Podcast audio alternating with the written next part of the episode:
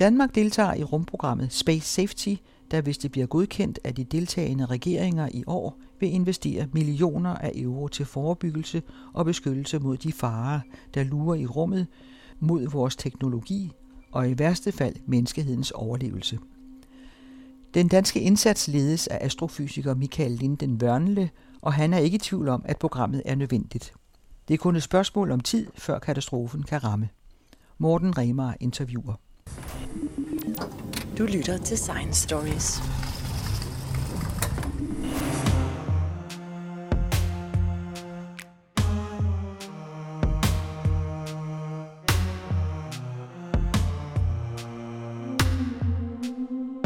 Mit navn det er Michael Linden Børnle, og jeg arbejder som astrofysiker og chefkonsulent ved DTU Space. Jeg arbejder blandt andet med opbygning af et øh, center for rumsikkerhed eller space safety, hvor vi betragter de trusler, der kan komme ud fra rummet og hvordan vi kan håndtere dem. Der er grundlæggende set fire former for trusler fra rummet. Øh, soludbrud, øh, nærjordsobjekter som asteroider og kometer, satellitter og rumskrot og partikelstråling. Worst case er i virkeligheden, hvis et kæmpestort soludbrud fuldstændig slår benene væk under vores øh, infrastruktur, så alt det, vi normalt betjener os af, holder op med at virke. Mit navn er Morten Remer, og jeg har begivet mig ind til Aarhus Universitet for at mødes med Michael Linden Børne og tale om, hvilke farer, der lurer ude i rummet og truer vores teknologi og i værste fald menneskehedens overlevelse. Michael Linden Børne, hvad er det med, at vores teknologiske udvikling er i fare? Hvordan det? Det er jo sådan, at øh, den teknologi, vi har, øh, den er sårbar over for påvirkninger. Særligt når solen går i udbrud, så kan øh, de effekter, som sådan nogle soludbrud skaber, kraftig stråling, store skyer af elektrisk ladede partikler, de kan påvirke satellitter i øh, rummet. Øh, de kan i værste fald helt ødelægge dem. De kan også skabe forstyrrelser i jordens magnetfelt, der gør, at vi får kraftige elektriske strømme i atmosfæren, som kan forstyrre øh, vores elforsyning. Så alt det, vi normalt betjener os af, altså strøm, der kommer ud af stikkontakten, det at vi kan bruge satellitnavigation, øh, satellitkommunikation, kan falde ud i kortere eller længere perioder, og det kan have alvorlige konsekvenser for vores øh, samfund. Men hvordan kan et soludbrud påvirke vores øh, elnetværk på jorden og øh, satellitternes kommunikation? Jamen, altså, ude i rummet, der er satellitterne ikke så godt beskyttet som os hernede på jorden, fordi vi har et øh, magnetfelt. Jordens magnetfelt virker som et beskyttelsesskjold, som beskytter os mod påvirkningen fra solen, de her store skyer af elektriske partikler, der kommer i forbindelse med et soludbrud. Men satellitter ude i rummet, de kan blive ramt direkte, og de her energirige partikler kan i værste fald gå ind og, og forstyrre øh, satellitten eller helt ødelægge den. Det har man set eksempler på i forbindelse med kraftige soludbrud. Nede på jorden her, der er jordens magnetfelt, det virker som et beskyttelsesskjold, men, men det bliver påvirket af de her udbrud fra solen, som simpelthen får magnetfeltet til at bevæge sig, og der strømmer elektrisk ladede partikler, både dem, der i forvejen er fanget i jordens magnetfelt, og også dem, der kommer fra solen i forbindelse med soludbrudene ned, og de kan skabe sådan nogle, det man kalder elektrojets, som altså er meget, meget kraftige strømme, elektriske strømme i atmosfæren, og de kan for eksempel gå ind og inducere strømme i vores elnet, og det her ekstra strøm, der så kommer meget, meget kraftige strømme på meget kort tid, kan så gå ind og skabe forstyrrelser og i værste øh, tilfælde øh, nedbrud af elforsyningen. Har der, har der været eksempler på det? Det har der været eksempler på. Øh, I 1989 der var der et meget stort soludbrud, der forårsagede strømudfald i store dele af Nordamerika, simpelthen fordi de her kraftige elektriske strømme, de her elektrojets, de simpelthen ødelagde transformerstationerne, fordi relæer kunne simpelthen ikke nå at slå fra og forhindre den her ekstra strøm i at flyde. Der var også en anden episode i starten af nullerne, hvor øh, et kraftigt soludbrud faktisk også øh, fjernede strømmen for 50.000 elkunder i Malmø, øh, igen på grund af strømmen. Så det er ikke kun noget, der sker i det store udland, det kan altså også ramme os øh, i lokalområdet. Men, men hvad gør man så? Hvordan bekæmper man det? Ødelægger det ikke noget af udstyret? Altså, man kan sige, i forhold til soludbrudene, der har vi den store fordel, at vi kan se, når de kommer. Vi har satellitter ude i rummet, som holder øje med solen og har gjort det i mange år, og de kan simpelthen se udbrudene. Når så udbruddet sker, øh, så har vi altså noget tid, inden at effekterne de indtræder. Den første byge af elektriske partikler, de kommer med en hastighed, der er meget høj. De kommer næsten med lysets hastighed, så de er måske kun 10 minutter til et kvarter undervejs. Men der er stadigvæk et varslingstid, mens det store udbrud, den store sky af elektriske partikler, det der hedder en koronal masseudkastning, den bevæger sig øh, noget langsommere, og den bruger et sted mellem 1 til 3 dage om at komme ned til jorden. Så det man i princippet kan, det er jo, at man kan udstede varsler og så sige til for eksempel folk, der opererer satellitter, øh, sige, nu skal I sørge for, at jeres satellitter de er klar til, at det her det kommer. Altså for eksempel sætte dem i en øh, fejlsikret dvaletilstand, så, så de ikke er nær så sårbare. Og i forhold til elnettet kan man selvfølgelig være opmærksom på det og være klar til at, at ændre øh, strømmen og, og lave de her forberedende øvelser. Så, så fordelen ved soludbrud, det er, at vi kan se, når de kommer, og så kan vi være klar til det. Vi kan ikke forhindre effekten i at komme, men vi kan være klar til at, at håndtere den. Hvad med, der er jo også anden stråling ude fra rummet. Der er jo, det er jo ikke kun solen, der sender stråling. Udgør det en fare, eller er det simpelthen øh, for svagt, når det ankommer i forhold til, hvor langt væk det kommer fra?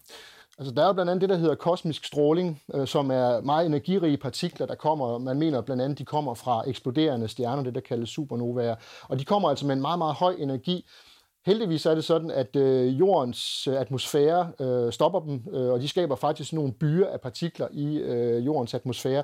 Så for os, der går rundt hernede på jordens overflade, så er det ikke noget, vi behøver at være bekymret over. Men er man højere op, for eksempel hvis man sidder i et fly, jamen, så bliver man faktisk udsat for en øh, betydelig øh, dosis af det her. Så måske ikke nødvendigvis for, for os, der bare flyver som passagerer, men for eksempel for flybesætninger, der skal man altså tænke sig om, fordi de vil altså over den tid, de arbejder som øh, piloter eller, eller stewardesser, de vil faktisk akkumulere en vis strålingsdosis. Så skal man lige tage højde for, hvilke ruter man flyver i, når der er de her øh, ekstra kraftige indstrømning af, af kosmisk stråling. Men gælder der ikke generelt det med flybesætninger, at de øh, må flyve vis antal timer i forhold til den her stråling? Jo, præcis. Og det er netop for at undgå, at øh, det skal blive et, et problem.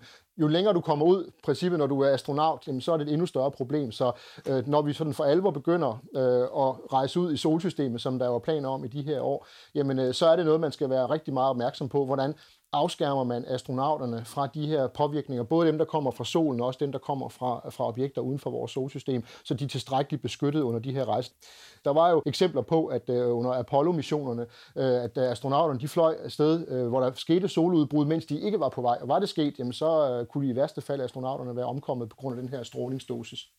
Jeg så for nogle år siden et billede af en af astronauternes hjelme, da de fløj op til månen og tilbage igen, hvordan man kunne se, at en partikel havde ramt hjelmen og lavet en spike, altså en mikroskopisk spike i hjelmen, og astronauten havde fortalt, at han havde set et lysglimt. Det oplever de tit. Er det den der kosmiske stråling, der, der så rammer? Det, det, er, det er simpelthen de her partikler, der kommer ind, og i virkeligheden laver sådan et lille lysglimt inde, inde i øjnene. Ja, det er det med lige præcis den stråling. Så man kan sige, at man bruger simpelthen nærmest sin krop og sine øjne som en partikeldetektor. Ikke måske det mest hensigtsmæssige, men, øh, men der er ikke rigtig alternativ. Så skal man pakke hele rumstationen ind i øh, tykke plader af, af bly eller andet, øh, og det, det, det fungerer ikke så godt. Så bliver den ligesom meget tung. Hvad gør man op på den øh, internationale rumstation ISS? Hvad gør man, hvis der kommer et soludbrud? Hvordan kan man beskytte sig mod det? Jamen, øh, nu kan man sige, at den internationale rumstation den har den fordel, at den kredser så tæt på jorden, at den er forholdsvis beskyttet. Men det er klart, kommer der meget kraftige soludbrud, så kan man øh, bevæge sig ind i de dele af rumstationen, der er mest afskærmet. Der er forskellige grader af afskærmning, således at man opholder sig der, mens at øh, strålingsniveauet er på, på det højeste. Og skulle det gå fuldstændig galt, så kan man jo øh, vælge at evakuere rumstationen. Det er dog aldrig sket endnu, men det er sådan, at de øh, rumskibe, der er koblet til rumstationen, det kan astronauterne i løbet af forholdsvis kort tid gå ombord, og så altså flyve tilbage til jorden i løbet af få timer. Men det, det har dog aldrig været nødvendigt endnu. Inden vi går videre med de andre trusler herude, så kunne det være rart, at du lige fortalte lidt om øh, egentlig, hvorfor vi sidder her, fordi vi taler om det her nye Space Safety program, som ESA har sat i gang for nogle år siden, og som nu du også er involveret i. Øh, hvad går det ud på? Jamen, som det ligger i navnet Space Safety, eller rumsikkerhed, som man lidt kunne oversætte det til til dansk, det er videreudvikling af noget, som man kalder Space Situational Awareness, altså i første omgang noget med at, at være bevidst om og opmærksom på de her trusler, men nu vil man godt tage det et skridt videre. Man vil altså godt til også at, at gå lidt mere i, i kødet på, på de mulige øh, forholdsregler og løsninger, der kunne være på nogle af problemerne. Det er klart, man kan ikke forhindre solen i at lave udbrud. Man kan heller ikke forhindre en asteroide i at komme i retning mod jorden, men lige præcis med soludbrudene, der kan vi blive bedre til at, at forudsige effekterne af dem og forholde os til det. Øh, og med asteroider for eksempel, der har vi jo i princippet mulighed for, hvis der på et tidspunkt er en på kollisionskurs, simpelthen at få ændret dens bane, så den så flyver forbi øh, jorden og ikke rammer. Så det er ligesom at begynde at, at se lidt mere på de muligheder, der vil være for at beskytte os mod de forskellige trusler, som rummet byder på. Du lytter til Science Stories. Mit navn er Morten Remer. Jeg taler med astrofysiker Michael Linden Vørne om rumsikkerhed. Og nu nævnte du det her med sol, men der er jo også andre trusler ude for rummet, blandt andet vildflyvende asteroider.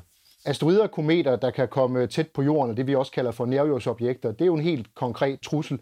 Det er sådan, at øh, jorden den bliver et sted mellem 50 og 100 ton tungere hver døgn på grund af materiale, der kommer ud fra rummet. Men det er typisk støvkorn, der er så små, at de ikke engang er nok til at lave et, øh, et stjerneskud. Men altså indimellem, så kommer det i lidt større klumper, og det kan altså sige bang. Øh, det så man blandt andet i februar 2013, hvor en øh, cirka 18 meter stor asteroide, fordi det er meget stort, men øh, den kom altså ind i øh, jordens atmosfære, i øvrigt fuldstændig uvarslet, øh, og laver en kæmpemæssig lufteksplosion over den russiske by Tjeljabinsk. Ja, ja.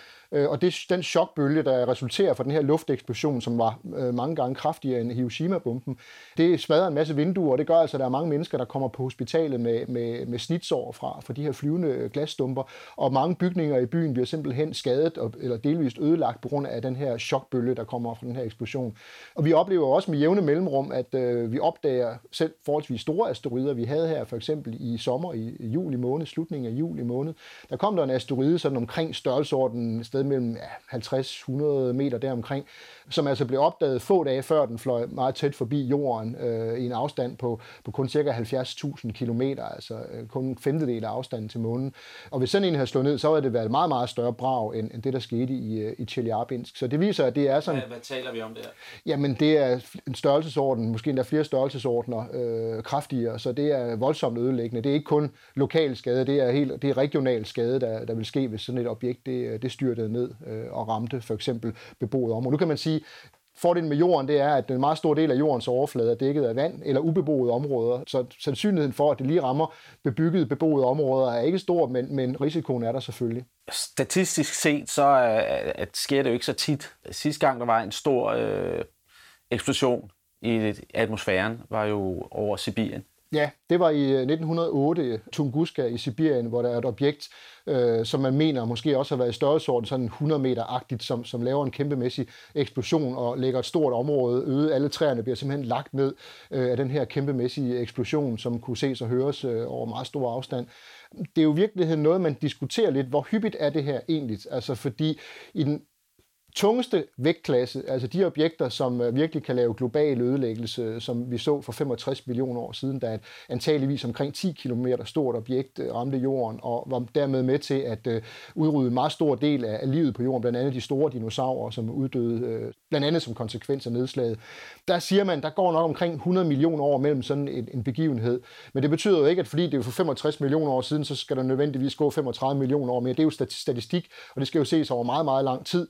Men, men altså selv et objekt på 1 km, som dermed også er meget hyppigere, øh, er noget, der kan ske igen. Øh, og i princippet kan det som sagt ske øh, næsten uvarslet, fordi vi altså ikke overvåger hele himmelrummet hele tiden. Øh, selv og de små objekter vil man jo også gerne have bedre styr på, så man vil virkelig gerne have lidt mere bedre statistik på, øh, hvor mange er der af de her objekter, og hvor tit kan den her slags begivenheder forventes. Og så vil vi jo egentlig yderste konsekvens, sådan helt lavpraktisk beredskabsmæssigt, gerne have et system, der også kunne varsle os, fordi hvis man i Tjeljabins der i 2013 bare havde haft et par timer, så havde man jo kunne udsende en eller anden form for beredskabsmeddelelse til borgerne i byen og sige, nu skal I altså holde jer indendør, I skal holde jer væk fra vinduerne og sådan noget. Så ville der ikke være 1.500 mennesker, der var råd på, på hospitalet med, med snitsår. Nu registrerer man jo alt, hvad man kan af stoider og flyvende objekter derude. Øh, hvor mange kender man til? Altså, hvor mange er der ud af de her over 100, flere 100.000 objekter, som udgør en fare? Men øh, man har et, opererer med et begreb, man kalder potentielt farlige asteroider. Øh, altså, der er jo 100.000 vis af større asteroider, og, og hvis vi tager alle småstenene med, så taler vi om, om millioner. Men vi har faktisk på nuværende tidspunkt lige godt 2.000 øh, af det, vi kalder potentielt farlige asteroider, og de er defineret på den måde, at det er et objekt, som er cirka 100 meter eller større, Øh, og det er et objekt, der kan komme tættere på jorden end øh, 7,5 øh, million kilometer. Og det er sådan, hvorfor lige det tal? Det svarer til 5% af jordens afstand til solen. Det svarer jo til 20 gange afstanden til månen. Det har man sådan besluttet sig for, at kan man komme tættere på end det, så er det altså nogle objekter, som øh, vi skal holde øje med.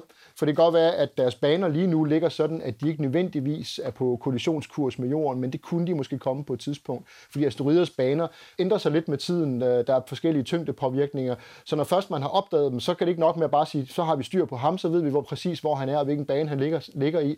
Så er man nødt til at holde øje med dem og løbende opdatere de her baner, hvis der forekommer ændringer. Fordi lige pludselig kan en af de her potentielt farlige asteroider altså gå fra at være potentielt farlig til at være farlig. Så øh, der er på nuværende tidspunkt godt 2.000 på den her liste, og der kommer altså hele tiden øh, flere til. Nu begynder man jo efterhånden at få noget mere viden om asteroider. Man er endda landet øh, på nogle og øh, opsamlet materiale fra dem. Hvor kommer de egentlig fra?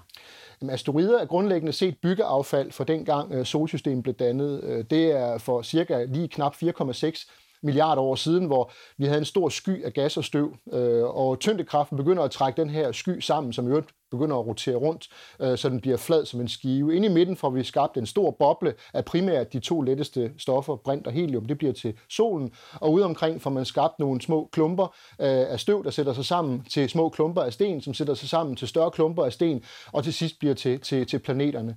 Men ud af det er der altså så noget restmateriale, øh, og vi har den største samling af det her restmateriale liggende mellem øh, planeterne Mars og Jupiter. Der har vi det, vi kalder for asteroidebæltet, hvor største samling af asteroider ligger.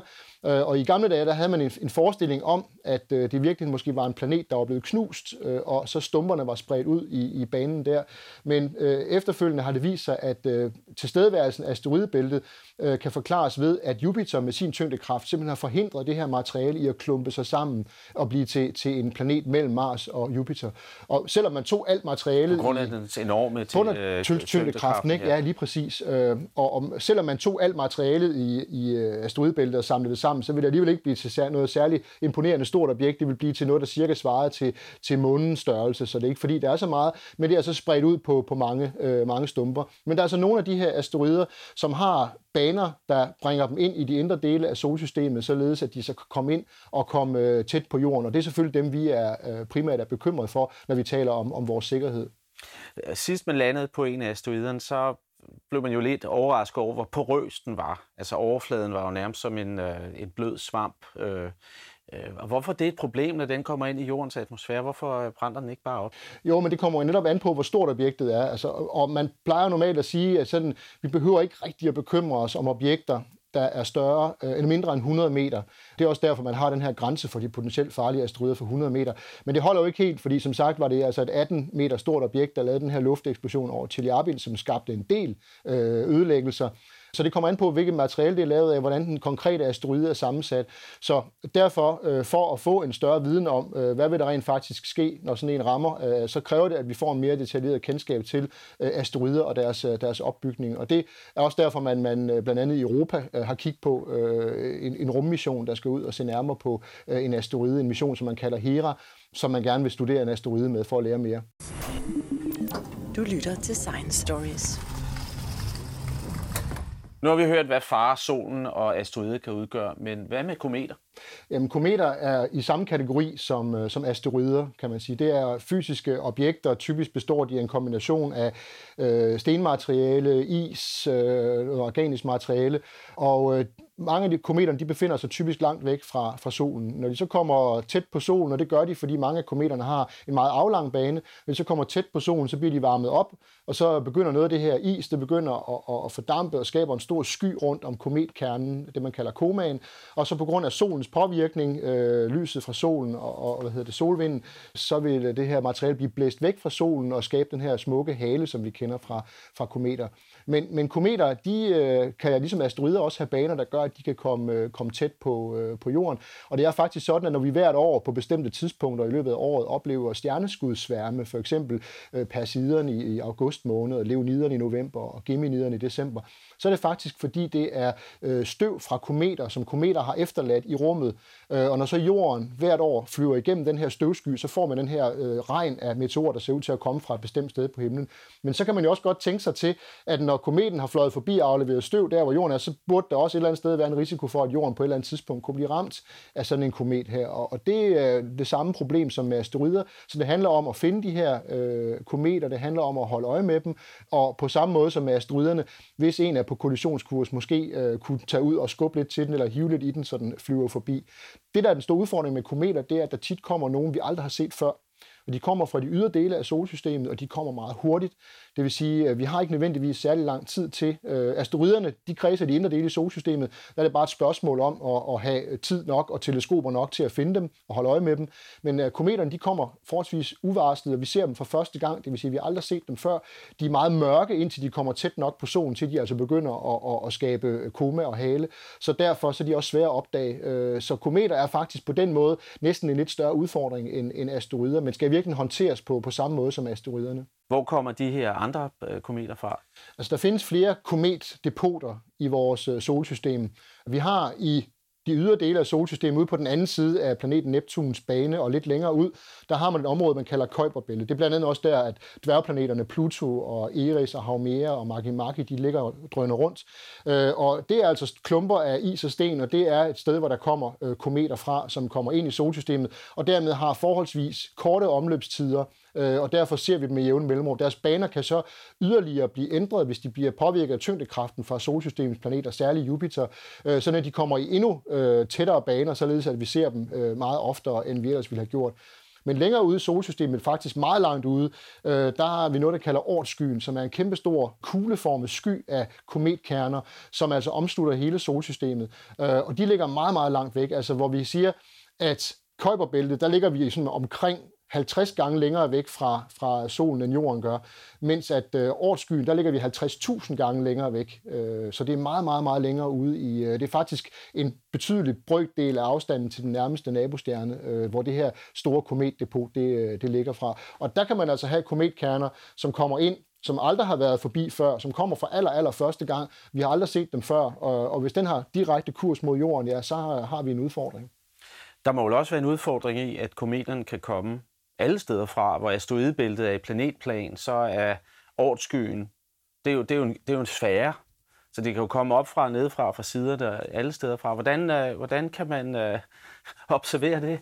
Jamen altså ret beset, og det er jo faktisk en af de måder, man egentlig resonerede sig frem til, for man har aldrig set årtskyen. Den er for langt ude, og de er for svage, så man har resoneret sig frem til det ved at se, at netop kometerne kommer fra alle retninger, og at øh, de har sådan en gennemsnitlig afstand længst fra solen, der ligger de der omkring 50.000 gange længere væk, end jorden gør fra solen. Og øh, øh den eneste måde at løse det her på, det er simpelthen ved at have systemer, som overvåger hele himlen hele tiden. Og det har vi ikke på nuværende tidspunkt. Men både i forhold til, til asteroider og kometer, jamen så er det en helt naturlig vej at gå. Det er at have teleskoper på jorden. Og på jorden er det en udfordring, fordi øh, solen står op, solen går ned. Øh, det vil sige, øh, du kan ikke fra noget sted på, på jorden observere hele himlen hele tiden. Du kan kun se halvdelen af himlen, og du kan kun se bestemte dele af himlen, afhængig af hvilken årstid du er på, men du står på Nordpolen eller Sydpolen. Så det skal suppleres med rumbaserede systemer, og gerne systemer, som observerer ikke i almindeligt synligt lys, men infrarødt lys eller varmestråling, fordi, jamen, fordi de her objekter simpelthen er nemmere at få øje på. Øh, de er tydeligere i, i varmestrålingsområdet, fordi det kan godt være, at de er kolde, men de er alligevel lidt varmere end omgivelserne, så de er simpelthen nemmere at få øje på, end hvor de i synligt lys er som sagt ret mørke og svære at få øje på, så lyser de altså lidt mere i det infrarøde område. Tidligere fortalte du om strålingen fra solen og og vi talte lidt om kosmisk stråling. Hvad med supernovaer? Ikke noget, det er ikke noget, vi ser dagligt, men øh, når man kigger derud, langt, langt ud, så er der jo supernovaer her og der. Er der nogen, der er tæt nok på til at udgøre en fare for kloden? Det, man særligt er bange for med, med, med supernova, det er, hvis den er så stor og tung, den her stjerne, at den kan ende med at lave det, vi kalder et gammaglimt. Fordi et, et gammaglimt, øh, det er virkelig et udbrud af den mest energirige form for stråling, vi kender, gammastråling. Øh, og gammastråling, den har den uheldige egenskab, at den kan simpelthen ødelægge dele af vores atmosfære. Det er sådan, at jordens atmosfære virker som et meget, meget effektivt filter øh, for al den her energirige stråling, der kommer fra rummet. Gammastråling, røntgenstråling og en stor del af det ultraviolette lys. Men øh, hvis gammastråling er kraftig nok, så vil den simpelthen nedbryde ozonlaget, som er det, der beskytter os mod den her energirige stråling fra rummet. Og faktisk vil den skabe en effekt i jordens atmosfære, øh, skabe det, man kalder nitrøse gasser, som er sådan nogle kvælstofholdige gasser, som, som man simpelthen dør af. Altså, øh, du, du får simpelthen bliver kvalt af de her gasser. Så det vil ikke være øh, særlig hensigtsmæssigt for, for livet på jorden, hvis man bliver ramt af sådan fidusen med gammastråling, det er, at det kommer ikke fra hele stjernen. Det er sådan, man forestiller sig det, der sker, at når stjernen den dør, så kollapser de indre dele af stjernen og bliver til et sort hul.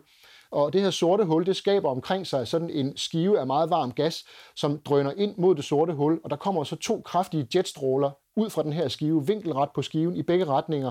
Og Som en strikkepind igennem... Øh, det kan man sige. De skyder sig ud i hver retning, ja, væk ja. Fra, fra, fra det sorte hul, og rammer så ind i den her skal fra supernovaen, og ved det sammenstød der, der skabes så den her gammastråling, som så øh, er med til at øh, sige, ligesom kanalisere energien ud langs de her to retninger. Det vil sige, at man skal sådan set, for at sige det på den måde, ligge i skudretningen. Så det, øh, man kan godt ligge forholdsvis tæt på den eksploderende supernova. Så er der andre partikler, som også kommer forbi. Men selve gammaglimtet vil man så ikke blive ramt af. Der skal man altså ligge præcis i den rigtige retning. Og ja, der findes enkelte stjerner øh, i en afstand på øh, omkring 6-8.000 lysår, som, som faktisk ligger så tæt på, at hvis der bliver skudt i den rigtige retning. Hvis sådan en gammaglimt går i retning mod jorden, så kunne det faktisk godt have en effekt på, på jordens atmosfære. Men sandsynligheden for, at vi lige ligger i den rigtige retning, er meget, meget lille. Øh, og så er de altså, hvis de lå tættere på, var det et stort problem. Nu ligger de så lige på grænsen, så derfor øh, er det ikke noget, man, man, man skal gå rundt og være bekymret over. Man har ikke nogen data øh, tilbage i tiden, hvor man kan se, at der har, der har jorden blevet ramt af en, en gammastråle der har været nogen, der har ment, at man kunne se en, en, en begivenhed øh, for, for, for mange millioner år siden, men, men det, det er kontroversielt, så, så det er ikke sådan, at man... For vi har jo haft sådan i, i de seneste, øh, hvad hedder det, siden øh, hvad hedder det, øh, livet for alvor tog fat på jorden, har vi haft sådan fem større masseuddøende, men, men man er ikke sikker på, at de øh, alle sammen kan, eller nogle af dem kan henføres til sådan en, øh, en grillvind, som man også nogle gange har kaldt den her stråling for de her, øh, sådan et gammelt glimt. Det er nok det, en science fiction forfatter vil kalde dødsstrålen. Det øh, vil nok være en meget passende beskrivelse, ja, det er helt sikkert.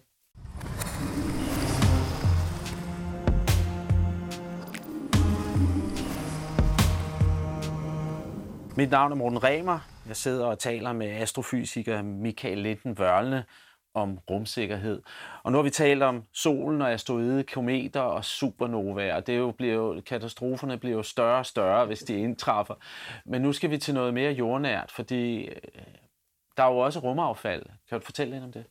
Ja, altså rumaffald, det er sådan fællesbetegnelsen for alt det, vi har sendt op i rummet, som enten ikke virker mere, altså døde satellitter, og det kan også være stumper af satellitter, og det kan være stumper af raketter og rakettrin og den slags ting. Så, så det er sådan en god blandet landhandel, og, og øh, det er klart, øh, siden vi begyndte at sende ting ud i rummet øh, i 1957, jamen så er mængden af, øh, rumskrot bare stille og roligt vokset. Der har også været nogle episoder, hvor øh, mængden af rumskrot er vokset meget voldsomt, for eksempel i 2007, hvor Kina besluttede sig for at skyde en af sine egne satellitter ned med et missil, simpelthen for at kunne vise, at det kunne man godt, øh, for ligesom for eksempel at sige til amerikanerne, hvis vi gerne vil skyde jeres spionsatellitter ned, så kan vi nok godt finde ud af det. Men, men den, lille, den lille episode, den betyder altså en voldsom forøgelse, for de stumper, der opstår som følge af den her nedskydning, de forsvinder jo ikke bare, de kredser rundt om jorden. Nogle kommer i lidt højere baner, nogle kommer lidt lavere baner. I 2009 der skete der et sammenstød mellem to satellitter, mellem en øh, iridium kommunikationssatellit og en, øh, en død øh, sovjetisk kosmossatellit.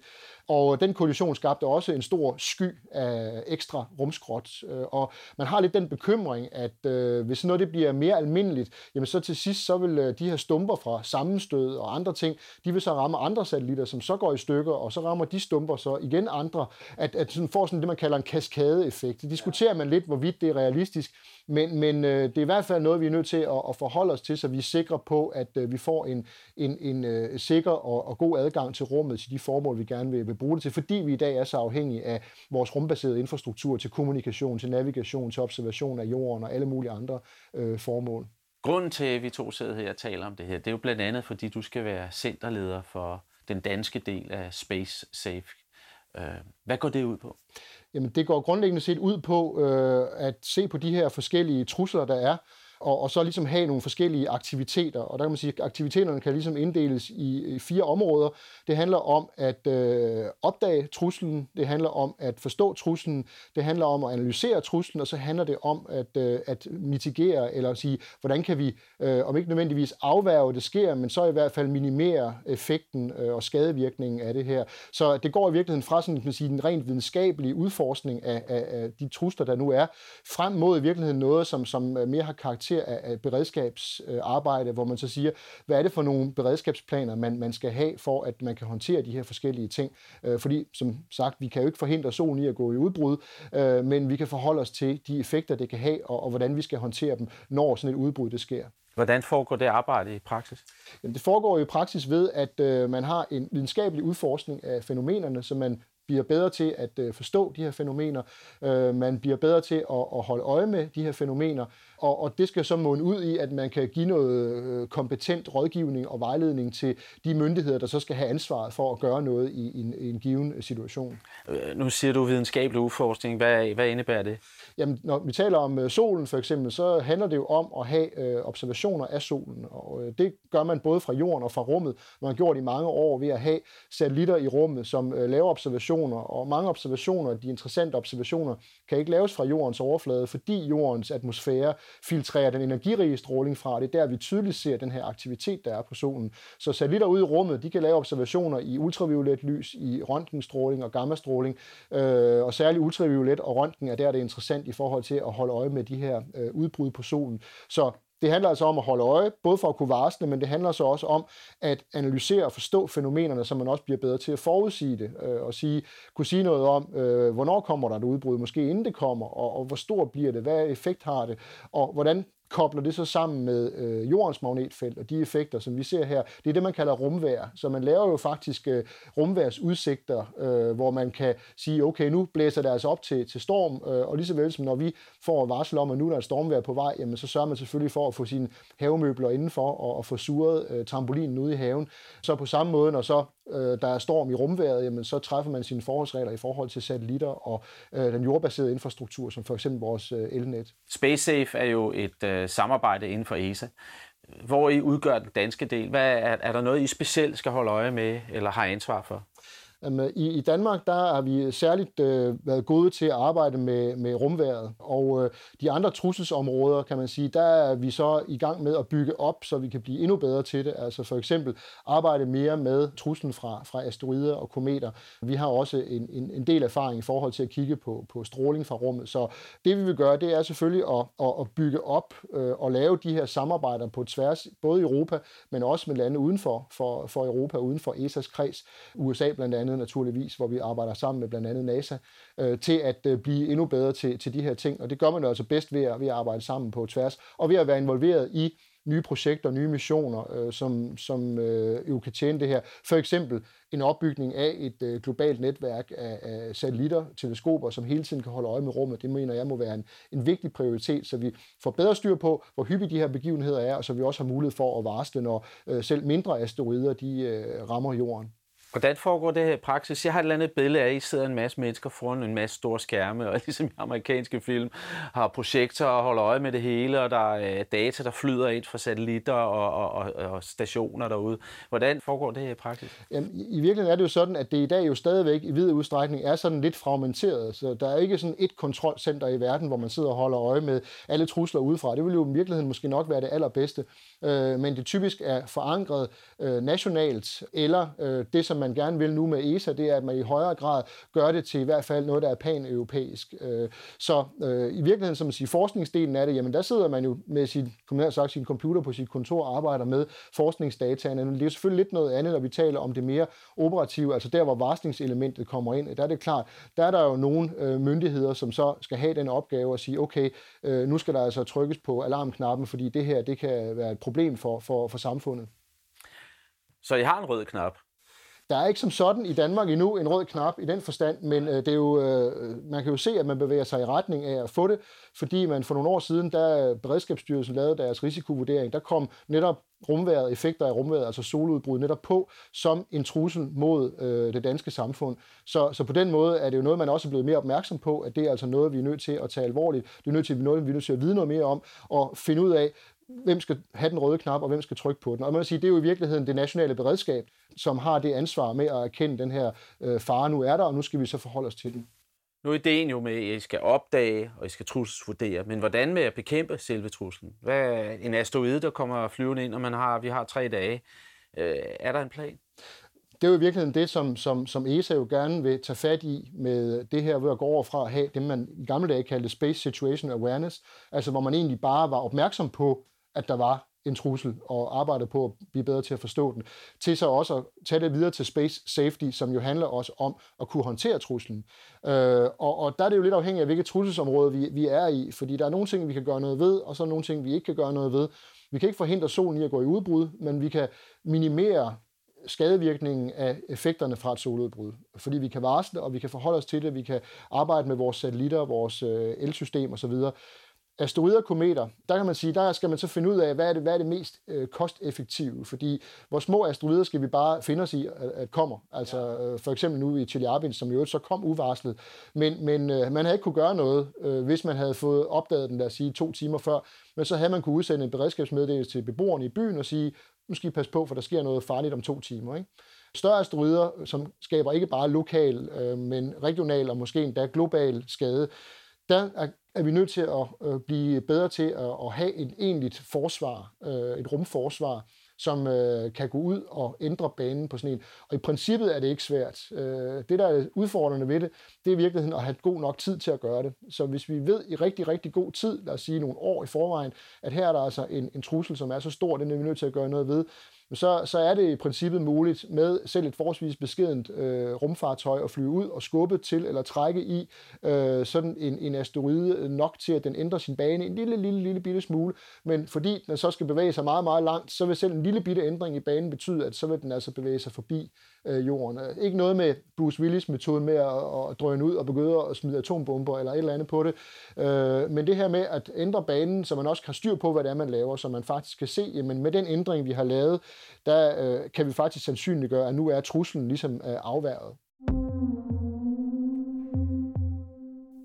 Nu er det sådan, Space Safety er jo ikke i gang lige nu. Det skal jo først godkendes. Hvem skal godkende det, og hvornår kan man håbe på, at det kommer i gang? Øh, altså nu øh, har man jo haft Space Situation Awareness-programmet, så det man egentlig vil have godkendt, det er i virkeligheden, at projektet ligesom, eller kan man sige, øh, at det område inden for ESA, at det ligesom øh, bliver boostet, at det får øh, mere fokus. Øh, det skal ske på ministerrådsmødet i, hos ESA i november måned, øh, hvor man regner med, at øh, Space Safety så bliver, bliver til et øh, program, som det hedder, under øh, under ESA, hvor man så fra de forskellige medlemslande, blandt andet Danmark, så kan byde ind på programmet og sige, at vi vil gerne øh, afsætte ressourcer til det under forventning af, at så kan vi blive involveret i forskellige samarbejdsprojekter, mission, rummissioner blandt andet, hvor vi så kan blive øh, med, øh, sige, med til at bygge de her missioner. Når det kommer op på det her plan, så er det jo fordi, man tager det alvorligt. Øh, det er jo ikke billigt, kunne jeg forestille mig det her, hvis det skal iværksættes, de her forskellige programmer under programmet. Bliver truslen taget alvorligt, også på, skal vi sige, øh, ikke-videnskabeligt øh, niveau?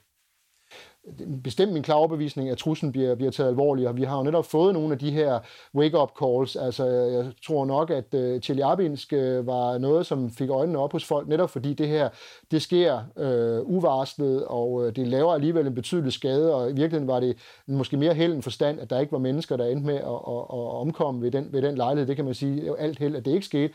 Men, men uh, risikoen er der, og der er altså de her trusler, og vi bliver som samfund mere sårbare over for det, fordi vi er afhængige ikke bare af vores infrastruktur hernede på jorden, men også den, vi har ude i rummet. Så, så derfor, så øh, for 500.000 år siden, øh, kan man sige, der kunne der regne ned med, med, med, med asteroider, og hvad hedder det, øh, der kunne komme soludbrud, og det ville ikke nødvendigvis have den store effekt, men, men verden ser altså anderledes ud i dag, og derfor er vi nødt til at tage det alvorligt, og det er også min klare overbevisning, at øh, det, det sker rundt omkring, også på politisk niveau. Jamen lad os da håbe det. Øh, og nu vil jeg gerne høre lidt om de øh, missioner eller programmer, der er tænkt. Og det første hedder HERA-missionen. Hvad er det for et program?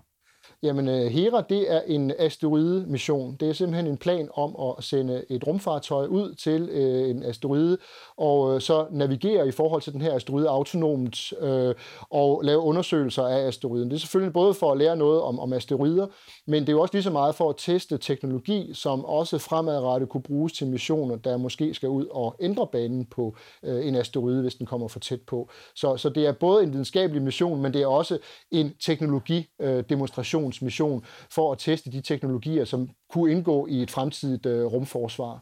Så det, det er opsendelse af en, en øh, ikke en satellit. Ja, en rumsonde, kan en man rumsonde, sige. kan man sige. Ja, ja. Og, og det skal foregå i ESA-regi? Det er en ESA-mission, hvis den altså bliver godkendt. Det er stadigvæk et, øh, et forslag, som man har lavet, og det skal så også godkendes på ministerrådsmødet, at man vil lave den her HERA-mission. Og der er vi jo selvfølgelig meget interesserede, og vi er meget interesserede i også eventuelt at være med til den her mission, hvis den øh, bliver en, en realitet. Så er der Lagrange-missionen som jo går ud på at holde øje med solens aktiviteter. Øh, det er jo noget, man gør allerede. Hvad er forskellen for det her projekt, eller det her program, i forhold til det, man har kørende allerede? Jamen, øh, det er rigtigt. Man har allerede øh, flere øh, satellitter og rumsonder, som holder øje med solen, men der er også nogle af dem, som er ved at være godt op i årene. Blandt andet satellit, der hed Soho. Den blev opsendt helt tilbage i midten af 90'erne, så, så den er godt bedaget. Der er nyere satellitter, der er kommet op, men Lagrange-missionen, øh, den vil i virkeligheden løfte arven og, og fortsætte med at sikre os øh, rigtig gode data, øh, hvor vi hele tiden holder øje med solen, så vi kan både lære noget mere om solen, men også effektivt varsle, når der kommer de her soludbrud. Og, og måden, man gør det på, det er virkelig ved ikke bare at sende en sonde ud i rummet, øh, men sende to rumsonder ud, som bliver placeret i det, der hedder Lagrange-punkter, Øh, og det er sådan, at øh, der findes i jordens og solens tyngdefelt fem Lagrange-punkter, som er særlige steder i jordens og solens tyngdefelt, hvor det er, man sige, er nemmere at fastholde positionen for et rumfartøj. Øh, der findes et Lagrange-punkt øh, 1, som hedder, som, hvor der allerede ligger en satellit og holder øje med, med solen, øh, og det ligger altså halvanden million kilometer fra jorden ind mod solen, altså på sigtelinjen ind mod solen. Så er der Lagrange 2, den ligger på den modsatte side af jorden, halvanden million kilometer ud mod rummet, hvor vi også har rigtig mange øh, rumsonder, som kigger ud mod universet.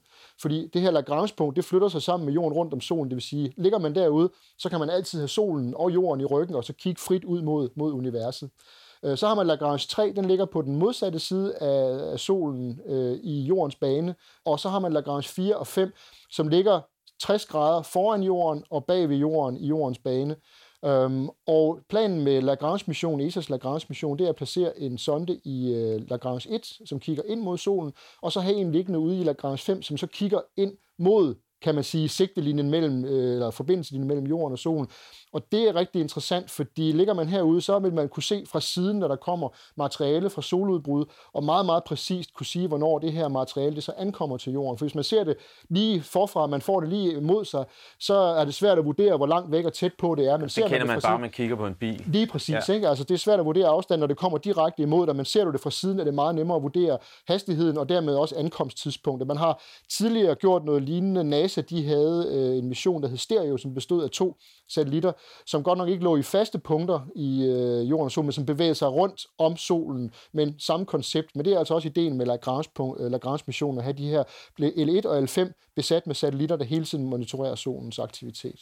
Hvad er tidshorisonten? For det, øh, det er jo ikke godkendt endnu, og de skal designes og konstrueres og bygges og sendes op. Hvornår øh, vil de her rummets vagtmænd øh, blive sendt op? Jamen altså, hvis tingene falder i hak, jamen så, så taler vi om, at vi skal op på den anden side af midten af, af 20, 20'erne, altså for at vi ser det her realiseret, hvis det vel og mærket bliver, bliver godkendt. Øh, Hera tentativ 2024, hvis den bliver godkendt, og Lagrange-missionen øh, lidt senere, men, men det, er der, det er der omkring, vi taler.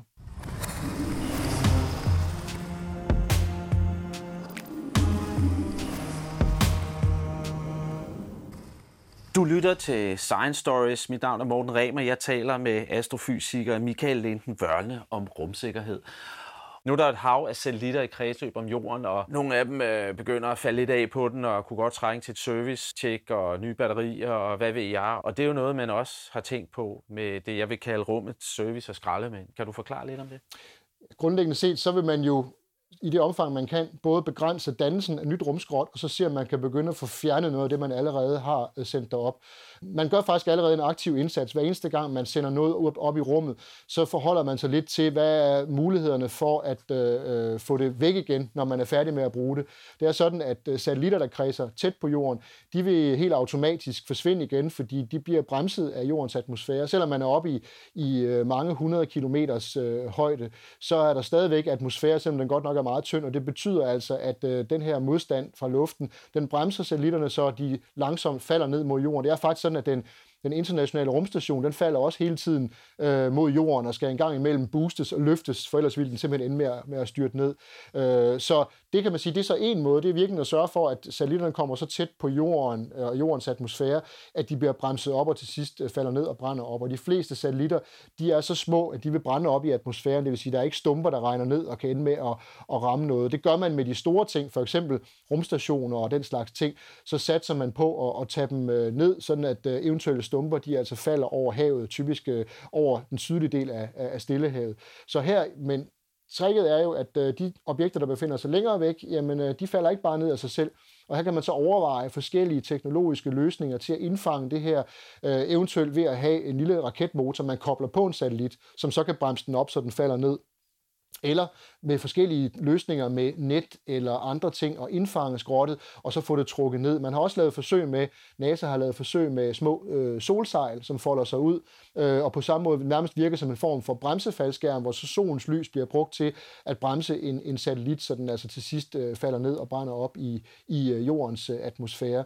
Så en kombination af, at man bliver mere bevidst om, at de rummissioner og de øh, satellitter, man sender ud i rummet, at øh, de skal være bedre til at, at skaffe sig selv af vejen i virkeligheden, være sin egen skraldemand, øh, og så det derude, der ikke umiddelbart fjerner sig selv, øh, hvordan man kan begynde at få det, få det fjernet på, på en hensigtsmæssig og også økonomisk forsvarlig måde. Der står også beskrevet projekter, at man vil servicere øh, satellitter, altså tage dem til 20.000 km eftersyn. Hvordan vil man gøre det? Jamen, øh, der er det jo sådan, at vi øh, jo i, i dag efterhånden, og det er jo en af de ting, som, som, som vi også arbejder med, det her med at øh, få satellitter til at navigere i forhold til andre satellitter, øh, og måske endda også satellitter, som ikke virker, således at man har et, en, en satellit, som autonom kan flyve hen til i nærheden af en anden satellit og, og øh, koble sig på, og eventuelt reparere den her satellit, hvis der er behov for det, hvis der er opstået en, en teknisk fejl, som kan løses på den måde. Så man i virkeligheden har sådan øh, forskellige former for øh, robotsatellitter, der kan flyve op og, og udbedre skader, Tidligere havde vi den amerikanske rumfærge, som fungerede som, som øh, øh kan man sige, den mobile serviceenhed, hvor man jo ved flere lejligheder for eksempel har serviceret rumteleskopet Hubble, men den kapacitet har vi ikke på nuværende tidspunkt, og der er ikke umiddelbart planer om at have noget lignende. Så øh, løsningen her vil i højere grad ligge på øh, autonome satellitter, som øh, kan flyve op og lave det der på fint uddansk hedder proximity operations, altså hvor man flyver hen og navigerer i nærheden af en satellit, som, som har det dårligt, eller måske helt holde op med at fungere, så den kan blive reaktiveret. Så det er simpelthen ubemandede satellitter, man øh, vil bruge til at servicere andre satellitter med? Ja, det er simpelthen planen. Det skal være autonome systemer, ubemandede, som, som øh, flyver op og, og øh, kan servicere satellitter, hvis det kan være rentabelt. Ellers så kan alternativet jo så være netop at få satellitten fjernet fra sin bane og få den til at, at brænde op i atmosfæren, hvis ikke det kan lade sig gøre at reparere den. Det lyder kompliceret. Er det realistisk? Det er det nok, men altså, det er jo klart, det kommer også meget an på rentabiliteten i det, fordi øh, sige, afhængig af, hvor, hvor, hvor mange år en satellit allerede har været i rummet, og hvad dens forventede levetid er. Øh, fordi det der med at begynde at reparere på noget, som så alligevel øh, i overmorgen også går i stykker, men på, måske på en anden måde. Så, så det er klart, der skal jo lidt en, en, en, øh, en ting er, at man måske nok kan finde teknologiske løsninger til at gøre det, men noget andet er, hvad kan betale sig at gøre, hvad er det mest hensigtsmæssige at gøre. Det er jo også en diskussion, man skal have. Der er et fjerde program, som handler om øh, maskinlæring og kunstig intelligens. Øh, hvad skal man bruge det til? Det er sådan, at øh, antallet af, af satellitter øh, på nuværende tidspunkt øh, ikke sådan tårnhøjt. Øh, der er sådan i rundetal 2.000 operative satellitter, men, men dertil kommer så et øh, meget større antal, øh, større og mindre stumper af rumskrot, som ligger rundt derude. Man anslår, og det er statistisk tal, det er ikke noget, man sådan har helt styr på, men man anslår, at der er måske et par 30.000 øh, stumper, inklusive hele satellitter, som ikke virker, øh, som øh, ligger... Det lyder en del. Det er det, og hvis du begynder at tælle små stumper med, altså hvis du også tager dem med, der er mellem 10 cm og 1 cm store, så tæller vi øh, næsten en million øh, stumper, der ligger drønende rundt derude. Dertil kommer så, at øh, forskellige øh, satellitfirmaer, de arbejder på at opsende meget store mængder af satellitter, det man kalder megakonstellationer, som blandt andet skal bruges til øh, global øh, bredbåndskommunikation. Blandt andet en firma som SpaceX, det amerikanske SpaceX, øh, et firma, der hedder øh, OneWeb, øh, de er allerede i gang med at sende deres satellitter ud i rummet, og SpaceX, de har ambitioner om at sende en megakonstellation op på mange, mange tusind satellitter. Det vil sige, at man altså begynder at forøge mængden af satellitter i kredsløb betydeligt. Og det, der så er argumentationen her, det er, at man skal jo holde styr på alle de her satellitter, og man skal holde øje med, om der er risiko for kollisioner. Og så kan man jo så, hvis der er risiko for kollisioner, så kan man jo justere banen på sine satellitter. Det gør man jævnligt. Man holder øje med, så alle satellitoperatører de holder sådan, fordi de er jo interesseret i, deres satellitter, de skal øh, ikke støde ind i andre Ej, satellitter. Øh, så man holder øje med det, og her for nylig var der faktisk en episode, hvor øh, en, en jordobservationssatellit fra det europæiske rumsamarbejde, ESA Eolus, at den måtte jo have justeret sin bane, fordi der var øh, en tæt passage af en af de her nyopsendte satellitter fra SpaceX's øh, nye megakonstellation. Og det var i den forbindelse også, at ESA gik ud og sagde, at øh, det her det vil kun blive et større problem i fremtiden, øh, og den måde, det bliver håndteret på nu, det er sådan rimelig manuelt, kan man sige. Altså selvfølgelig sidder folk i deres kontrolcenter og holder øje med deres øh, satellitter, men, øh, men det med sådan at sige, okay, nu er der to satellitter, øh, som er tæt på hinanden, øh, og det er svært at præcis at sige, om de vil støde sammen eller ej, så præcis kan man simpelthen ikke øh, fastslå det, men man siger, der er en høj risiko for det, og kommer risikoen over et vist niveau, så er det, at man vælger at flytte den her satellits bane en lille bitte smule, øh, at det på nuværende tidspunkt, så er det lidt noget med, så skriver man en e-mail til hinanden og siger, hey, din satellit, der ved du godt det, og ja, men jeg kan ikke rigtig gøre noget ved sagen, og så, så det må I selv klare. Så den her deconfliction, som man ja, kan kalde det på ja. fint nudansk, øh, den, er, den er sådan øh, lidt for manuel og lidt for meget med håndsving, hvor man siger, når nu antallet af satellitter går op, og dermed potentielt set også risikoen for, for kollisioner, så er vi nødt til at have et system, som er mere effektivt. Øh, både kommunikationsmæssigt, så vi kan tale bedre med hinanden, alle de folk, der opererer satellitter, men også systemer, som bliver bedre til øh, at holde øje med de her øh, ting og lave de nødvendige øh, sandsynlighedsberegninger for at sige, hvad er risikoen rent faktisk. Og det er her, at ESA så siger, at det er her, vi vil ty til øh, kunstig intelligens, og den del af den kunstig intelligens, man kalder for øh, machine learning, som kan blive bedre til at se de her øh, mønstre i det her, og, og så kunne komme med nogle fornuftige bud på det, så det hele bliver simpelthen mere effektivt, mere hurtigt, og dermed at risikoen for, for, for kollisioner, den, den bliver nedbragt. Her til sidst vil jeg gerne høre din personlige mening om det her. Nu skal du være centerleder for den, for den danske afdeling af det her Space Safe. Er det nødvendigt? Og skal vi være fortrøstningsfulde for, at det her nu bliver sat i gang? Altså, hvis, hvis ikke jeg synes, det var nødvendigt, så vil vi nok ikke sidde og snakke med dig lige nu. Så ja, selvfølgelig er det, er det nødvendigt, fordi vores øh, samfund i meget høj grad er afhængig af, at øh, alle vores øh, forskellige former for infrastruktur, både dem vi har her på jorden og også dem vi har ude i rummet, hele tiden fungerer til vores allesammens øh, fælles bedste. Øh, så derfor så skal vi være bevidste om de her trusler, og vi skal forholde os til, hvordan vi kan håndtere dem. Øh, ikke hvis, men når de her situationer de, de indtræder.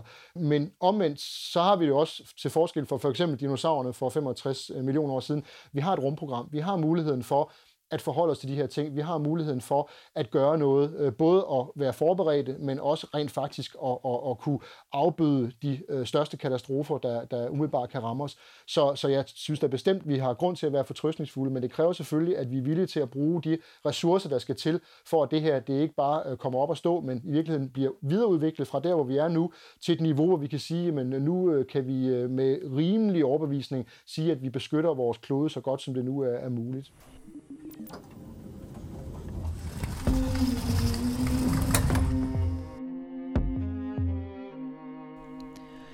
I hørte Michael Linden Vørnle i samtale med Morten Remar.